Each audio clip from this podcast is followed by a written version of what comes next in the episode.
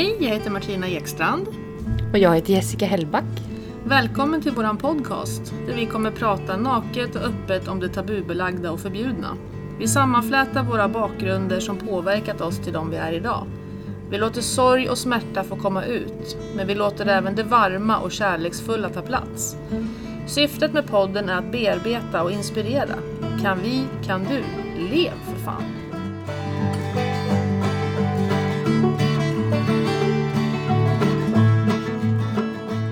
Hallå Martina! Hej Jessica! Kul att se dig. Ja. Eller ja. Online. Ja, precis. Vi, är ju, vi gör ju en ny grej idag som vi inte har gjort förut. Precis, vi spelar in eh, via datorn eftersom vi är hemma var och en för sig och är sjuka. Precis. Vi spelade in ett avsnitt i eh, torsdags men eh, Ja. det blev inte så bra för att Nej. vi båda var hängiga och snurriga och Mm. Så vi, vi decidade att nu kör vi ett nytt här. Som förhoppningsvis, när vi har lite mer energi. För det blev ju lite kaos kan man säga efter inspelningen. ja, Vi, vi träffades eh, inne i stan där. Och eh, jag hade ju en förkylning som jag hade haft hela veckan. Det var jättejobbigt. mm, Helt sjukt. Brukar jag tänka så här, hur kan man bli så jävla däckad av en liten förkylning? Men det kan man ju. Och du var jättetrött. Så du gäspade mitt i inspelningen och det var liksom... Men jag Nej, var men vi hade ofokuserad. väldigt ofokuserade. ja. Vi kunde liksom inte få till något. Alltså vi hade ju jätte... För vi var på vårt eh, poddkontor. Ja. Äntligen hade vi kommit dit liksom. Mm. Så att... ehm, Men berätta Men det var ju vad som hände. Nej men jag har ju min Crohns sjukdom i tarmen och jag har eh, det är så här eh, tarm... En inflammatorisk tarmsjukdom. Mm. Som kommer och går med olika skov. Och jag har väl känt att det inte är så bra just nu men jag har inte känt att... Eller när man frågar så här, hur mår du? Då blir det så här, Mm. bra. För att det blir min vardag. Mm. Eh, som inte är riktigt normal mot vad andra människor har. Så Mm. jag har ju varit så här, ja men det har varit bra. Men jag har ändå känt att jag inte varit hundra. Jag har sagt det hemma, påpekade ganska många gånger sista veckorna att fan jag mår inte bra, jag mår inte bra. Men så har jag liksom inte gjort något åt det för jag har inte haft tid att gå själv och ta prover och sånt. Och Nej. jag fick ju så här, man får ju gå och ta eh, prover, lämna prover lite då och då. Eh, så då hade de skickat till mig i december att jag skulle ta prover. Så här, rutin bara. Eh, och sen ringde de mig och bara Jessica du har glömt att ta proverna, måste du gå och fixa det där nu? Typ. Jag bara ja jag ska, jag ska bara hinna. Vilket jag inte har hunnit. Och sen så ringde de igen och sa har du lämnat in dina prover? Du måste tänka på att de, det är viktigt att vi får in dem. Jag bara okej så jag gjorde det. Och eh, Mm. sen ringde de i fredags och bara hej. Vi skulle vilja att du avbokade allt som du har idag. Eh, och du måste komma in akut nu. Typ. Det spelar ingen roll vad du har bokat. Mm. Kom nu. Så jag fick ju avboka. Jag skulle jobba i salongen och jag skulle jobba natt hela helgen. Och, ja. eh, äntligen en barnfri helg. Mm. Så jag fick tillbringa på sjukhus. För att mina värden var väldigt dåliga. Och jag Ja. har som eh, ja, inflammation på mm, två ställen i tarmen. Så nu har jag fått kortison intravenöst och det har börjat med cellgifter som jag ska öka och samtidigt trappa ner kortisonet. Mm. För kortison slår ut alla organ så mycket så att man ska inte ta det under lång tid. Okej. Och Mm. cellgifter, det låter ju så här. Ja, det låter ganska allvarligt. Men det är ju allvarligt och det är en stark medicin. Men jag kommer inte få sån hög dos så att jag tappar hår och så. Utan jag kommer få en stor dos. Men precis under det. Så jag ska ju typ inte träffa sjuka människor och ja, jag ska vila och man kommer vara trött. Och jag känner hur det går så här dalar upp och ner, upp och ner. Mm. Men jag har sovit första gången på några nätter nu. så jag, jag kände att den där äh, sjukhussängen, det var ju som hotell. Så det var ju skönt. Ja. Och hjärnan börjar jobba. Alltså jag börjar ju så här, jag, jag har ju varit jättesnurrig och typ inte haft ork. Mm. Men så fort jag får sova, så jag får så jäkla mycket, det är som en så här äh, kulspruta som med idéer. Jo tack. Jag vet. Jag bombade Martina i morse. Fort jag öppnade ögonen bara, vet du vad jag drömde? Jag drömde att, och så bara blablabla. Jag måste berätta allt för dig. Jag skickade en bild på mitt kaffe. Typ. Ja, du bara, God morgon. vänta lite, jag läser snart. Det var samma sak igår när jag låg på sjukhuset där och började planera värsta festen. Mm. Ja, men det kommer sen. Men det blir ett stort jävla event. ja, det För är mina roligt. nära och kära. Precis. Mm. Men säg inte för mycket nu då. Nej, men det kommer bli så kul! Oj, oj, oj. Du får spricka. Hur mår du Nej, då? jag, jag du? tänkte på... Vi var ju och hälsade på dig. Mm. Eh, så jag hoppas jag inte har smittat dig. Jo, det är det du har. Skojar. Nej men eh, det var ju, för jag satt ju i, eh, jag satt på jobbet när jag fick eh, meddelande från dig. Mm. Och så har, har jag alltid liksom telefonen i, i lådan under så att jag kan ju titta om jag får någonting. Och så kunde jag ju liksom inte hålla mig för du skrev ju så att du fick eh, panik och dödsångest och ja, jag fattar ju verkligen känslan. Och jag får det nu med. Alltså, Ja, jag får ju så här ångest. ja men precis. För att jag tror att det är viktigt att folk fattar att, eh, att eh, det var en ganska traumatisk grej för dig. För att nu låter du så himla så här pigg och glad och det kommer lösa sig. Men det var ju, det, det var ju jävligt jobbigt eh, när du åkte in. Jag kunde verkligen känna den här äh, ångesten du hade. Och man kände sig så jävla maktlös liksom som kompis. Att vad fan ska jag göra för dig? Ja. Sitter jag där i kassan liksom och bara kan skriva så här korta sms. Ja, nej. Nej men eh, det, det blir alltså. Jag fattar ju så väl. Vi har ju pratat om det här med dödsångest så himla många gånger. Mm. Men det är det när man inte ju vet vad det är. Man vet så här. Läkaren sätter sig där och bara ja. Nej men eh, för jag kom in och trodde att jag ska ta lite prover. Typ. Mm. Och åka hem och åka och jobba. Så jag ringde i mitt jobb och sa så här. Nej men jag. Jag ska bara in på sjukhus för de vill att jag ska komma in och göra en koll. Eh, Jag får säkert medicin så kan jag komma ikväll. Mm. Men vi kan ju försöka täcka med någon så länge. Alltså om det skulle vara så att jag får stanna kvar. Ja. Och det första han säger när jag sätter mig där det är så här. Eh, ja, du. ehm, du blir ju inlagd nu på en gång. Jag bara, va? Alltså det blir ju. Det blir så här chock Mm. typ att ja, för det, du har så dåliga värden och du ska Mm. inte komma ur den här sängen typ. Eh, Mm. Man fick ju lite så här, man får ju panik. Jag bara, jag vill inte se på skärmen under undersökningarna. Och Mm. fick så här, ja. Jag får ju tycka att de är jättejobbiga för att jag är rädd för att se vad det är. Ja. Inte att göra en undersökning. Visst, det är ju också jobbigt liksom. Men Mm. för att man går in via tarmen. Men jag, de, är liksom, de gör det där dag ut och dag in och de, det är så smidigt och allting så att det är liksom inga problem. Men eh, bara det är en jobbig grej. Men det är inte det jag får panik över. Det är ju själva... Så här, Svaret. s- jag fattar, jag är inte dum i huvudet så jag ser, vet hur en tarm ser ut. Jag vet hur en frisk tarm ser ut. Jag vet hur en sjuk tarm ser ut. Jag vet hur ett humör ser ut. Och det är det jag är typ såhär... Uh. Mm. Ja. Och sen Mm. just nu går jag på mediciner så jag så här. Det går upp och ner i mitt mående. Ja, hjärta. Ja, det är inte roligt alltså. Nej. Och jag är så är glad så. att du och Andreas kom. Ja. Ja, vi satt där och skrattade och drev med allt och alla. Alltså. Nej, men Ja. alltså, det, är så ju, det är ju skönt att kunna vara så med varandra. Men eh, det, det vart lite jobbigt när vi skulle gå för att så kramade jag dig och då började du ju gråta jättemycket. Usch, började också gråta. Gråtavsnitt. Ja. Nej men alltså det blir ju känslosamt. Mm. Det är ju, alltså det är ju jobbiga grejer. Ja, och jag ville ju typ, för att jag hade ju legat där i det där rummet och liksom, man får så här. Helt plötsligt känns det som att jag mår jättebra och är frisk. Och Mm. bara, nej men nu kan jag gå härifrån. Mm. Sen blir jag asdålig. Och bara åh, känner mig jättesjuk. Och så Mm. kommer det ju vara nu för nu kommer jag öka den här medicinen. Som gör att jag blir svag och jag blir trött och jag kommer eh, bli lätt smittad av folk. Jag har inget immunförsvar. Mm. Ja, typ kommer få blåmärken, kan blöda lätt, kan bli blek och ja, men det är så här. Mm. Ja men typ som man blir när man går på cellgift. Mm.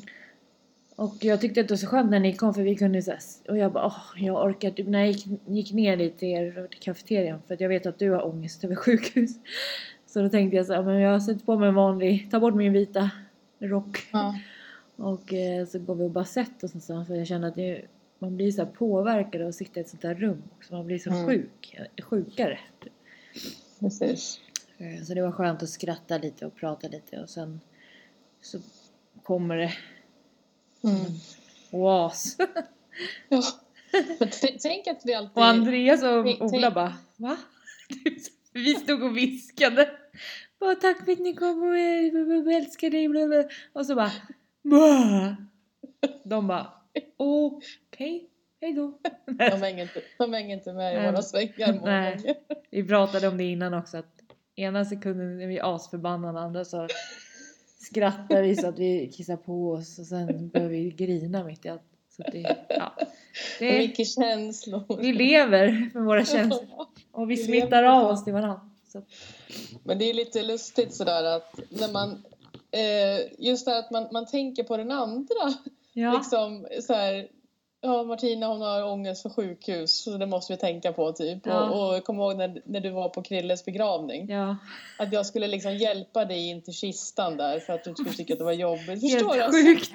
Ja men det är faktiskt helt sjukt. Jag kommer på din brors begravning och du tänker på att jag har ångest för kyrkor och att jag knappt Ja. kan gå in i en kyrka.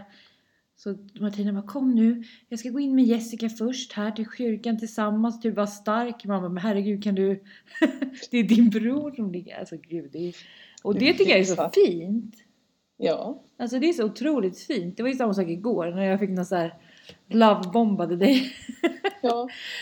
Jag bara åh, så grät och skrattade Ja, samtidigt. precis. Andreas bara okej. Och sen svarade du inte på. på ett tag. Jag bara, vad fan kan du känna något? Jag skojar. Nej Ja, men precis. Kan, kan, du, kan du hålla med då för helvete? ja precis. Men jag har alltid varit så här, jag har tänkt på det sedan jag var liten att jag har velat ha en syster.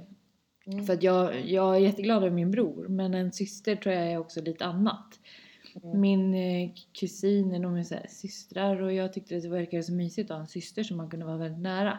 Ja. Och det känns ju som att vi är verkligen så här, som jag sa, att vi, vi kan skratta, vi kan gråta, vi kan skrika till varandra, vi kan säga hur vi känner.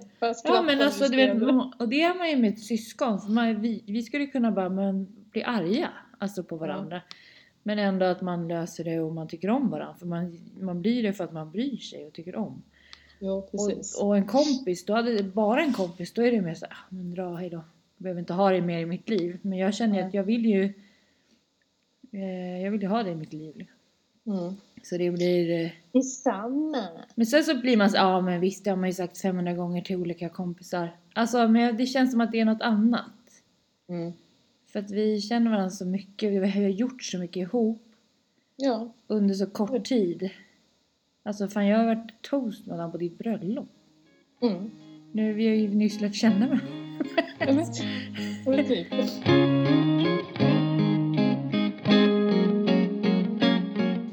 Jag körde en liten paus. eh, Jag körde en liten paussång. Ja, vad härligt. Mm. Nej, men vad var det jag tänkte säga om det där? Eh, jo, men eh, familj och, och liksom att man är nära varandra och så. Mm. Jag är ju så otroligt rädd om det. Ja.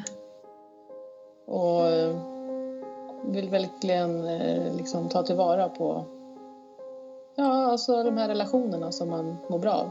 ja, och de man har Mm, i livet nu. precis.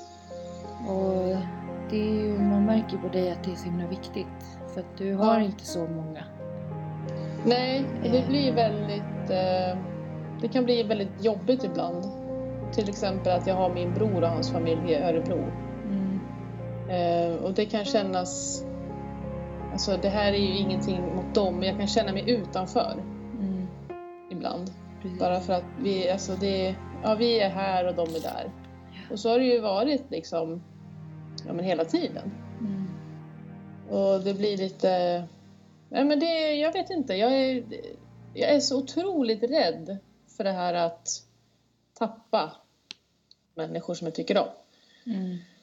Ehm, och det hände ju en grej igår som jag inte riktigt vet om jag kan berätta, så jag, jag struntar i att berätta det. Men det, jag kan ju berätta att det var en, en person som eh, ja, försvann, eller vad man ska säga. Mådde Mm. väldigt, väldigt dåligt. Ringde runt till eh, polis och sjukhus och allting sånt. Jag har skrivit om det i min blogg också. Mm. Eh, men, men då var det så här, åh, jag var tvungen att, och, jag kände bara så här rent spontant att jag var tvungen att skriva till dig. Så här, nu gjorde jag inte det, men jag, jag, jag ville skriva som att vi kommer finnas där för varandra. Va? Mm. Och mina barn kommer liksom vara i ert liv och Mm. så. Eh, det är så känns det som att akut. jag måste liksom gardera mig för att, Mm. att det är så otroligt viktigt.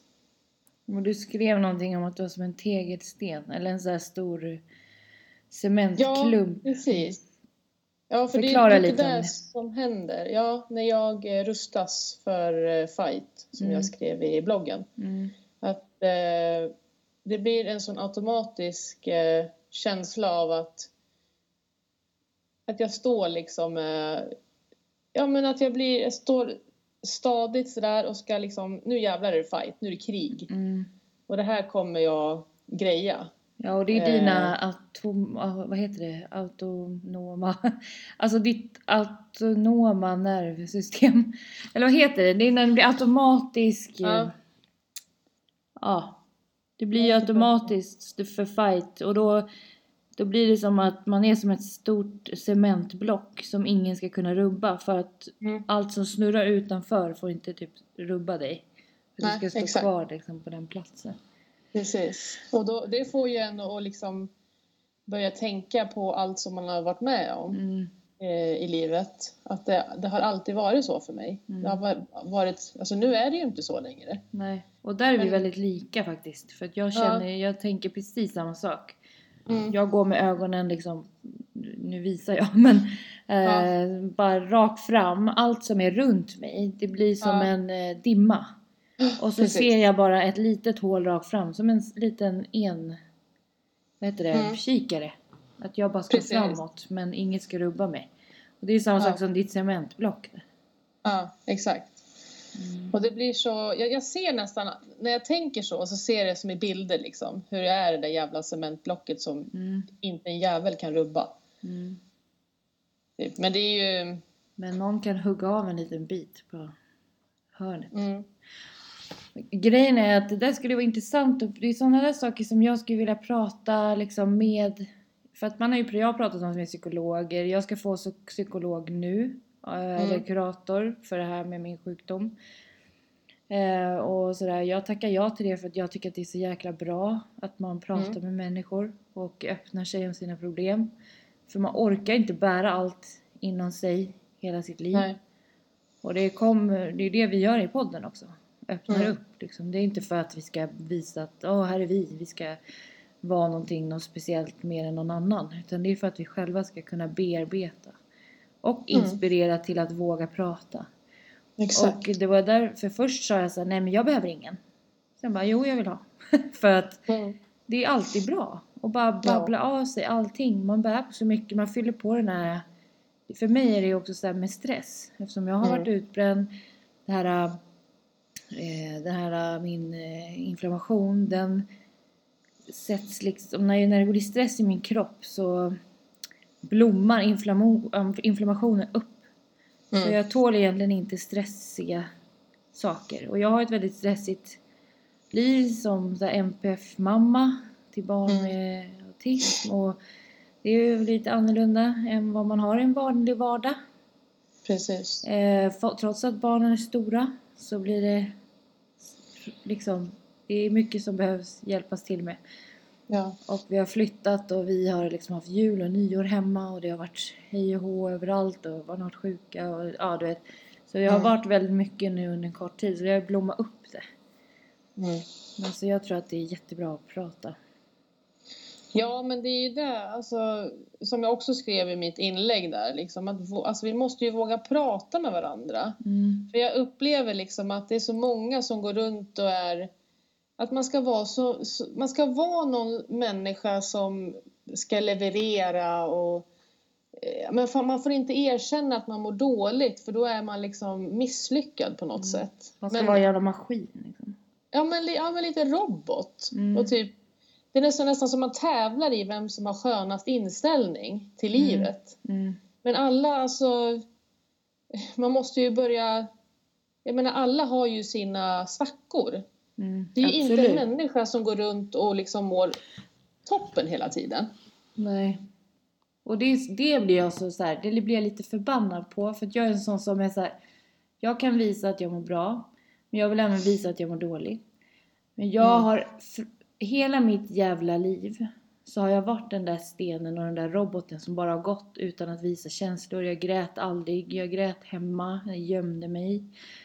Sen när jag började ta tag i det inre, det är ju då Mm. all min eh, alltså, så här, utmattning och så kom. För att ja, min kropp hade ju bara gått på som en jävla robot. Tills jag tog tag i det här med, med allt jag har burit på och all stress jag har varit påverkad av med det här som Mm. vi pratade om i första avsnittet. Med sekt som hon har blivit jagad av och Mm. ja, mm, pojkvän som har dött och med allt sånt där som man bara burit på. Mm. Uh, dit jag vill komma att jag är jag är, jag är en väldigt stark person. Jag är ofta glad.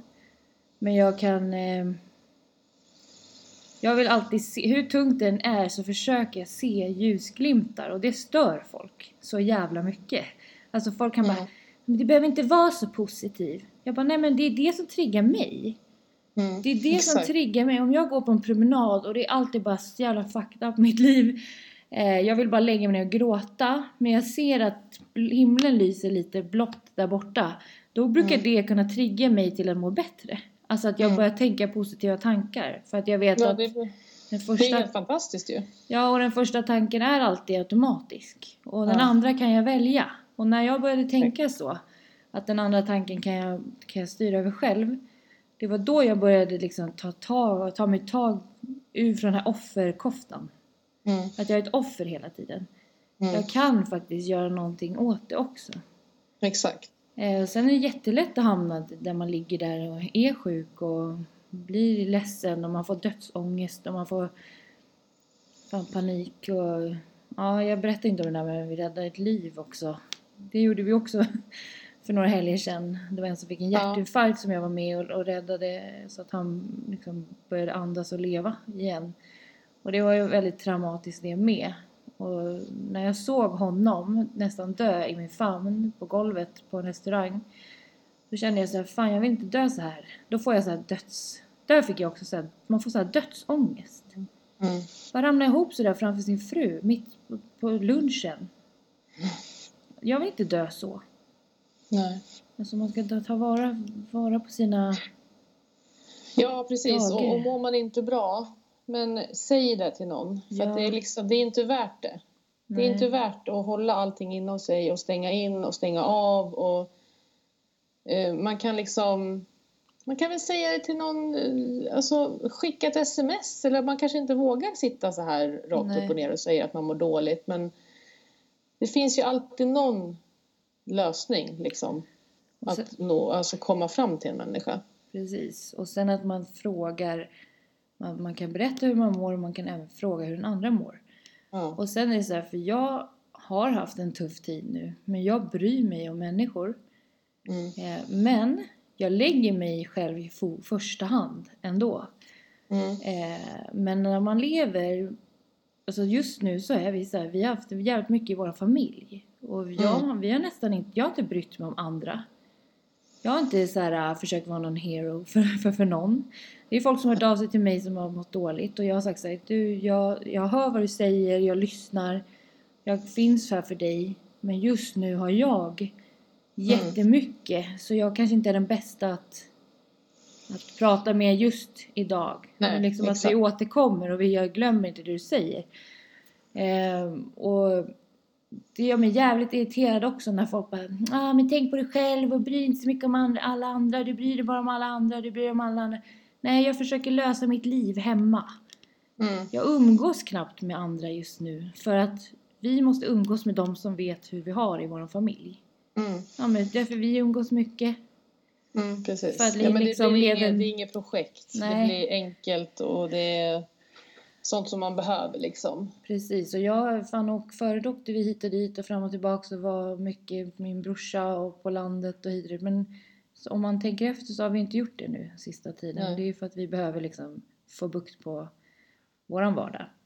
Ja, precis. Så att det funkar. Så att jag är verkligen inte... Det, det stör mig så jävla mycket. Jag blir så här, jag tänder till på en sekund. Mm. Det är jättefint att man ser ut som att man bryr sig om andra och det gör jag. Men jag, mitt, jag är faktiskt nummer ett i mitt liv. Mm. Och det är ju många som inte förstår när jag säger så här. När man säger så här, ja men vem, vem betyder mest i ditt liv? Då säger alla, mina barn, Mm. min man, min mamma. Men det är ju inte det, det är en själv. Exakt. Och eh, ja, det borde fler fatta. Ja men det är ju så. Om jag mår dåligt så kan jag ju inte ta hand om mina barn. Jag kan inte, alltså det blir ju bara en... Nej, du kan inte vara en bra fru, du kan inte, alltså, du, eller du kan ju, du är ju en bra fru ändå fast du mår dåligt. Men du, det är bättre att säga det och försöka leda upp det innan man, Mm. eller gå runt och låtsas och, och må bra och vara någon Precis. super. Men kommunikation, alltså Mm. hur viktigt är det inte? Precis. I alla relationer. Mm. Gud Alltså vad vi är smarta. Ja, vi är jävligt smarta alltså. Ja. Ja, nu kommer jag av mig bara för att jag sa så. Ja, men...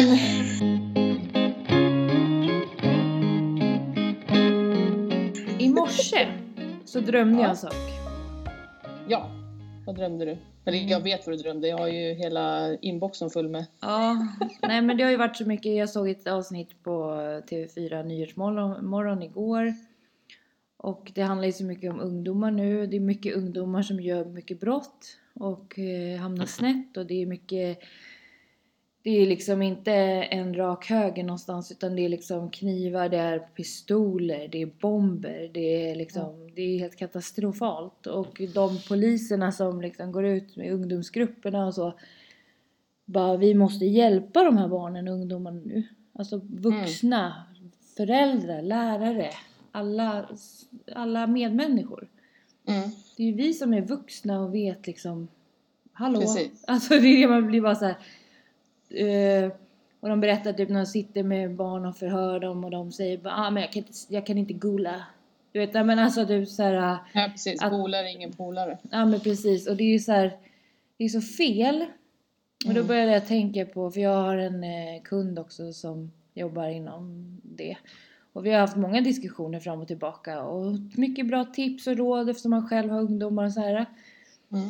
Eh, och då började jag tänka på dig. Och eh, hur du har levt ditt liv. Och med Krille, din bror. Och hur ni liksom famlade i mörkret och hamnade där ni hamnade. Mm. Alltså, det är så många barn som, far mycket, som, som mår dåligt. Apropå det här med att prata med människor. Mm. Ja, men exakt. Och dålig självkänsla och inte vet vad man ska ta vägen och Precis. göra och må dåligt i skolan och, och det har ju jag en erfarenhet av eftersom jag har barn som mår så. Mm. Som inte hamnat så där nu men det, det är inte Nej, långt, alltså det är eh, inte... Det, det skulle ju kunna bli så om man inte finns där. Alltså om man Precis. tänker de här barnen som, som... Så att folk kanske ger upp om dem. Alltså, Mm. eh, det är ändå ingen idé. Typ att de skuffas undan. De är inte viktiga. Den jobbiga jäveln som står där Ja, och som precis. smäller i dörrar, får utbrott, som kastar Precis. stolar. Han är bara De blir ju så, de blir så dömda. De blir dömda direkt, förtid. Mm. Och sen liksom känns det som att alla tappar hoppet om dem. Det är det som är så jäkla tragiskt. Precis, och då, pratade, då tänkte jag på dig för att du har ju en fruktansvärt bra föreläsning som du Mm. har kört några gånger och som berör verkligen. Och eh, där man ser hur det är liksom under en sån uppväxt och på botten och med skola och hur Mm. man kan ta sig ut och ta sig upp liksom. Och, och jag sa, tyckte att vad fan, jag har frågat dig förut ju, att fan, ut i skolor, prata med ungdomar och barn. Mm. Kanske inte lågstadiet, men mellan högstadiet liksom. Mm. Högstadiet. Och vet du det, som att man öppnar upp för att våga prata. Och våga Exakt. vara en bra vän. Alltså hur är man en vän? Man blir medberoende direkt. Precis. Och det, du är ju så rädd för att... Du har ju varit haft det som en liten rädsla. Mm. Eh, nej, men det väcker jättemycket känslor att komma ut i skolor. Mm. För att ehm, jag själv kände mig dum, ful och värdelös i skolan. Mm. Det gick ju successivt. Hade någon fångat upp mig och oss. Mm. Jag var ju rätt duktig i skolan. Alltså, vi säger lågstadiet, från trean Mm. uppåt. Så var jag så här lätt för att lära. Jag, liksom, ja, men jag var ganska duktig och så. Sen ju längre tiden gick och ju mer min självkänsla trycktes ner. Mm. Desto sämre blev jag ju i skolan också, självklart. Mm. Jag trodde ju inte på att jag kunde någonting. Så att, och det slutade ju med att jag liksom... Ja, sjuan, åttan, nian, ettan, tvåan, trean på gymnasiet. Så liksom det sjönk efter för varje jävla dag som jag gick i skolan. Mm. Jag vågade ju knappt gå på lektionerna för jag ville inte att de skulle ställa någon fråga. För att jag kände bara att jag, jag kommer inte kunna den, jag kommer inte kunna den. Precis. Och fast jag utåt sett var liksom såhär, ah, ja, jag bryr mig inte. Jag var clownen liksom. Mm. Eh, och så. Och jag menar, skulle jag kunna få människor att känna igen det? För igenkänning skapar ju trygghet. Mm. Alltså om jag kan få en ungdom eller ett barn att känna igen sig i det jag berättar, hur jag hade det, så Mm. skapar ju det en, en trygghet och en öppning. Och det är ju det jag vill liksom, det är det jag vill göra. Ja. Men det är läskigt och det är mycket som kommer upp till ytan men eh, jag tror fan att det är dags att göra det Mm. faktiskt. Jag känner mig rätt redo för det faktiskt. Och jag föreslår... Jag, jag fick eh, värsta rysningarna när du pratade om det där. Mm. Och bara så här, shit vad händer? Och så, så började jag liksom greja med datorn och bla bla bla. För jag har en liten spärr någonstans som gör att jag inte tar tag i det. Och eh, det, den spärren vill jag ta bort. Mm. Och det tror jag också att man, att man utmanar sig Mm. själv. Det växer, växer du också. Mm.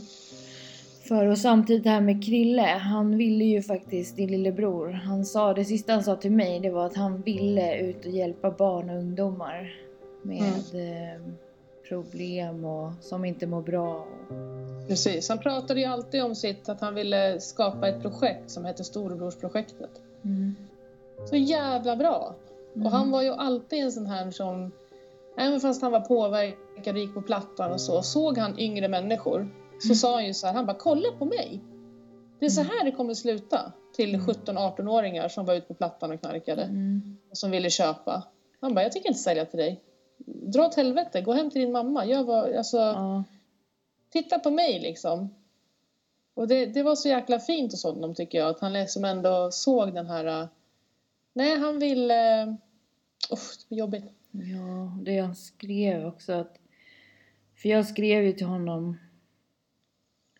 Hej Christian, jag lyssnade på, tre, på era tre inspelningar jag hörde Marti, eller, och hörde Martina berätta mycket om era liv på hälsocamp vi hade i somras.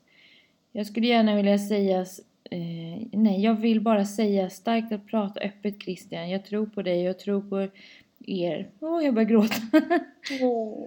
Ehm, jag tror på er och jag vet att ni kan vinna över allt. Lycka till och välkommen till Martinas föreläsning hos oss på KBK hälsokamp. Hoppas verkligen att du kan komma. Och, så bara, och han kom, han var så jävla stolt över dig. Ja, det var... Mm, och han svarade där. Oh, vad jobbigt det blev. Ehm, ja, det skulle vara kul att följa med. Och, nej, det skulle, skulle vara kul att följa och lyssna. Men får se om det blir av. Och tack för de fina orden. Jag tror på mig själv denna gång. Love. Men gud, bara rinner. Ja. Alltså han ville verkligen, han var så jävla stolt över dig Martina. Han sa att jag skulle, jag skulle verkligen vilja våga stå där som henne. Och sen när Krille fick ju frågor efteråt och han var så stolt och han svarade och han var så... Mm. Alltså han var så duktig på att prata, tycker jag. Mm. Och liksom... Man såg att han växte.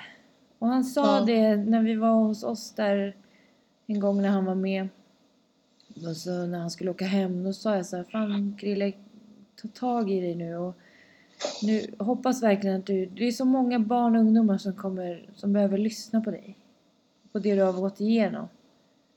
Och få hjälp. Ja, och han ville ju verkligen det. Ja, Så därför Alltså- jag, fan om du Martina ska komma ut och prata med barn och ungdomar. Jag tror att det lilla man kan göra, jag tror man kan göra någonting. ja, men självklart kan man göra det. Ja.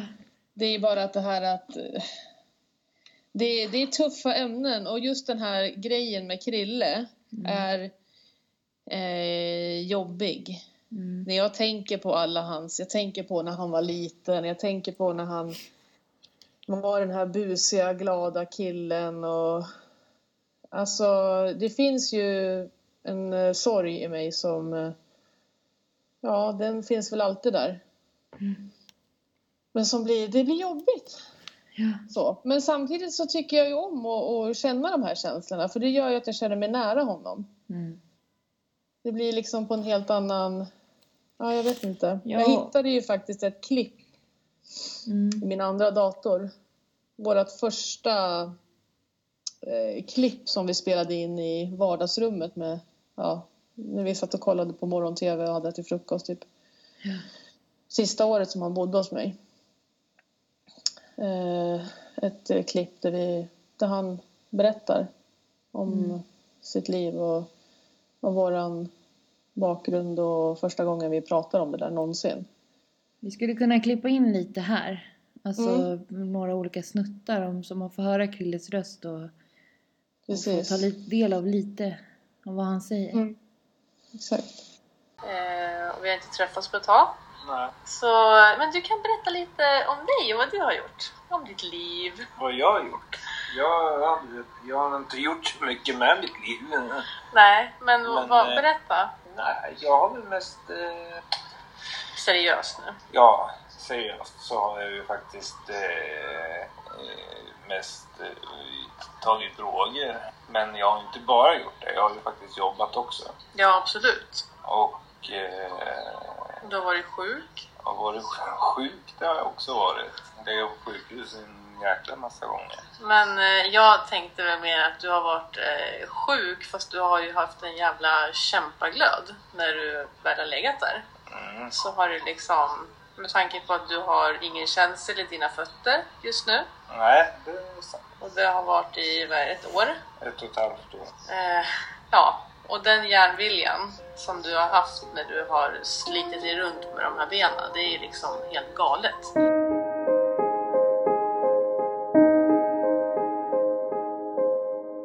Eller vi har ju så olika liv nu, fast vi har ju väldigt eh, lika uppe, alltså vi har ju samma uppväxt. Mm. Fast vi har väldigt olika liv nu. Alltså vi har ju haft våra demoner att kämpa med Ja, vi är hela tiden. på, fast på olika sätt och inget sätt är bättre eller sämre än det, än det andra. Nej, absolut inte. Men eh, Men vi har verkligen... bara att du har tagit dig ur det och det har inte jag fixat det. Nej, exakt. Men tror du att du kommer att göra det nu då? Ja, det har jag sagt många gånger men eh, jo ska- absolut. Eh, Det känns som att eh, det känns ljusare den här gången. Mm. Och eh, jag vet inte riktigt vad som ska till för att jag inte ska fixa det. Nej, nej men nej, det här att slå i botten kanske behövs några gånger Ja, innan man tar och nu sig är jag ju i botten igen. igen. och sen, och sen eh, kommer man upp i en bit och sen åker man ner igen. Igen. Och det är så tröttsamt. Ja. Så att, Och eh, där någonstans så hinner man ge upp tusen gånger liksom innan man ramlar igen. Ja, Ja, jag eh, vet inte hur många gånger man måste slå skallen i asfalten förrän man vaknar till liksom. Nej. Men eh, Men jag tjatar ju på dig hela tiden att jag tycker att eh, vi har faktiskt aldrig någonsin suttit så här och pratat. Nej. Har vi suttit så här och pratat någon gång? nej, aldrig. Det är, ju- det är sjukt alltså. Ja, Eh, men eh, vi... Eh, ja, jag har ju tjatat hela tiden om att du ska bearbeta din, ditt förflutna. Alltså all- alla traumatiska upplevelser eh, som det- har hänt när vi var små. Du har ju aldrig gjort det. Du, har bara, du är den personen som bara stänger in allting. Och jag är mera, jag har alltid varit mera så verbal och kunnat prata om vad jag känner och sådär. men grejen att, då, den, att jag inte har kunnat gjort det. Jag har ju haft några psykologer och sådär. Mm. Men det är det att eh, jag vet inte varför jag inte kan eh, lita på dem. Alltså jag, jag vet inte vad det är. Jag, det är någonting som gör att jag misstror alla. alla. Det är från eh, barndomen också. Eh, Självklart. att jag misstror alla vuxna.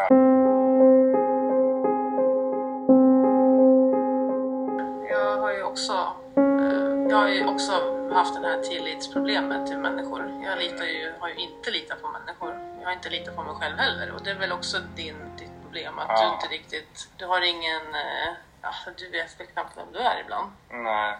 Liksom, tappar bort dig någonstans på vägen. Mm. Liksom. Ja men så är det nu. Eh, Jag har ju fått tillbaka min tro på mig själv. Eh, Mm. Mer i alla fall än förut. Men, eh, nej, men det är just att det är svårt att lita på folk. Speciellt när man har blivit sviken liksom, av samhället, av myndigheter, av... Ja, så. Ja, och nu, nu sitter jag här igen och ska... Nu, har jag inte ens, eh, nu får jag inte ens hjälp av SOS någonstans att bo för att jag eh, eh, ska ju åka in i fängelset en månad. Och där kan de inte, då kan de inte ge mig någonstans att bo fram tills jag ska ställas in. Nej. För att jag har inte fått något inställningspapper. Det måste ju vara... och Alla säger det liksom. Det är helt sjukt. Det måste vara, det måste ju vara något fel. Mm. Ja, men det är ju lite Det- skadat. Ja. Liksom. Moment 22 igen. Ja, Du blir avstängd från eh, hjälp bara Ja. för att du ska in i fängelse. Men du har inte fått något datum när du ska in. Liksom. Så då är, blir du hemlös. ja, Eh, och det kan ju vara allt ifrån eh, nu till ja, tre månader. ja. Ja. Och det, de tycker... Var har du bott de senaste nätterna då? Förutom på sjukan. Du har ju kommit från sjukan idag. Ja, Blodförgiftning. Ja, jag Ja, fick möjligt. tog en överdos för en vecka sedan. Det blir en vecka sedan. Det blir näst, ja, inte helgen som har varit utan eh, helgen innan dess. Mm. Och sen, eh, ja, så fick jag någon blodförgiftning där samtidigt. Så eh, innan dess så vart har jag bott? Ja, i en eh, gammal skruttig husvagn har jag fått sovit hos en kompis. Eh, den här gången har jag inte behövt bott i några eh, trappuppgångar eller för att det har bara gått sen, eh, vad är det, nio dagar? Nio dagar tror jag det är. Mm. Och, eh, så att, men det är ju svårt att, eh, man vill ju inte vara till belastning till för någon. Liksom.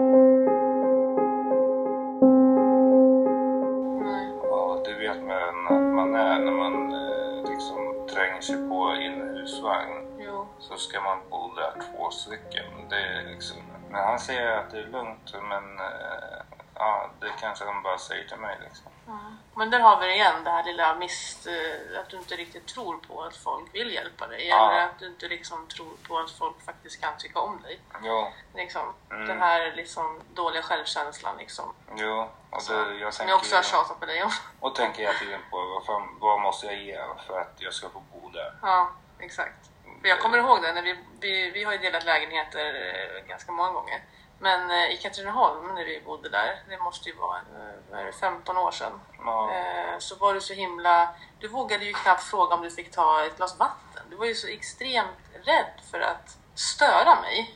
Liksom. Mm. Och hela tiden skulle du fråga liksom, är det okej om jag tar en macka? Är det okej om jag tar... Jag sa men sluta fråga människa, du får ta vad du vill.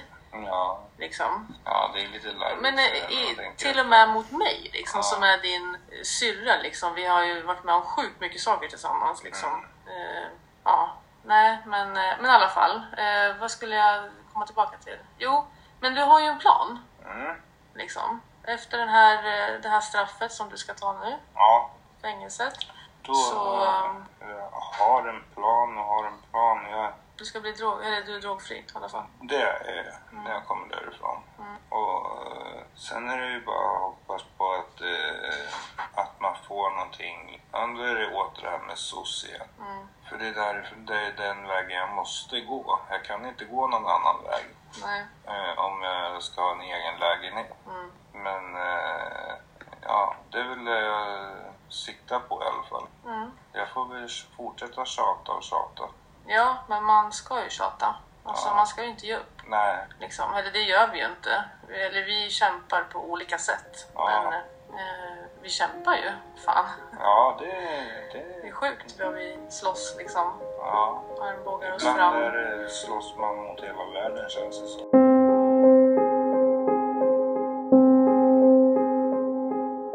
Vem vet, jag kanske vågar lägga ut det här. Ja, men det tycker jag. Yes. Kanske alltid hjälper någon. Ja, ska vi ha något så här slutord liksom? Börja aldrig knarka. Börja aldrig knarka för det finns ingenting som är bra med. Nej, man får inga kickar heller längre. Nej, de försvann efter första gången. Ja, Så försvann den där kicken. ja det löser sig. Det Ja. blir bra. Det gör det. Okej, men vi stoppar här då. Hej då. Right. Bye bye. Bye, bye.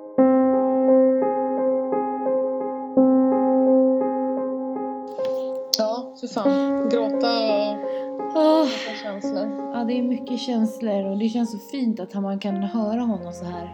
Alltså att det, att det finns det nu. Jag, om, alltså, tänk dig om jag hade kunnat få spela in Jimmy och hans röst och jag har Mm. inga sådana klipp alls. Det finns ingenting. Nej. Jag hade inte knappt mobil liksom. Eller det Nej. hade du ju men jag vet inte. Jag har ingenting.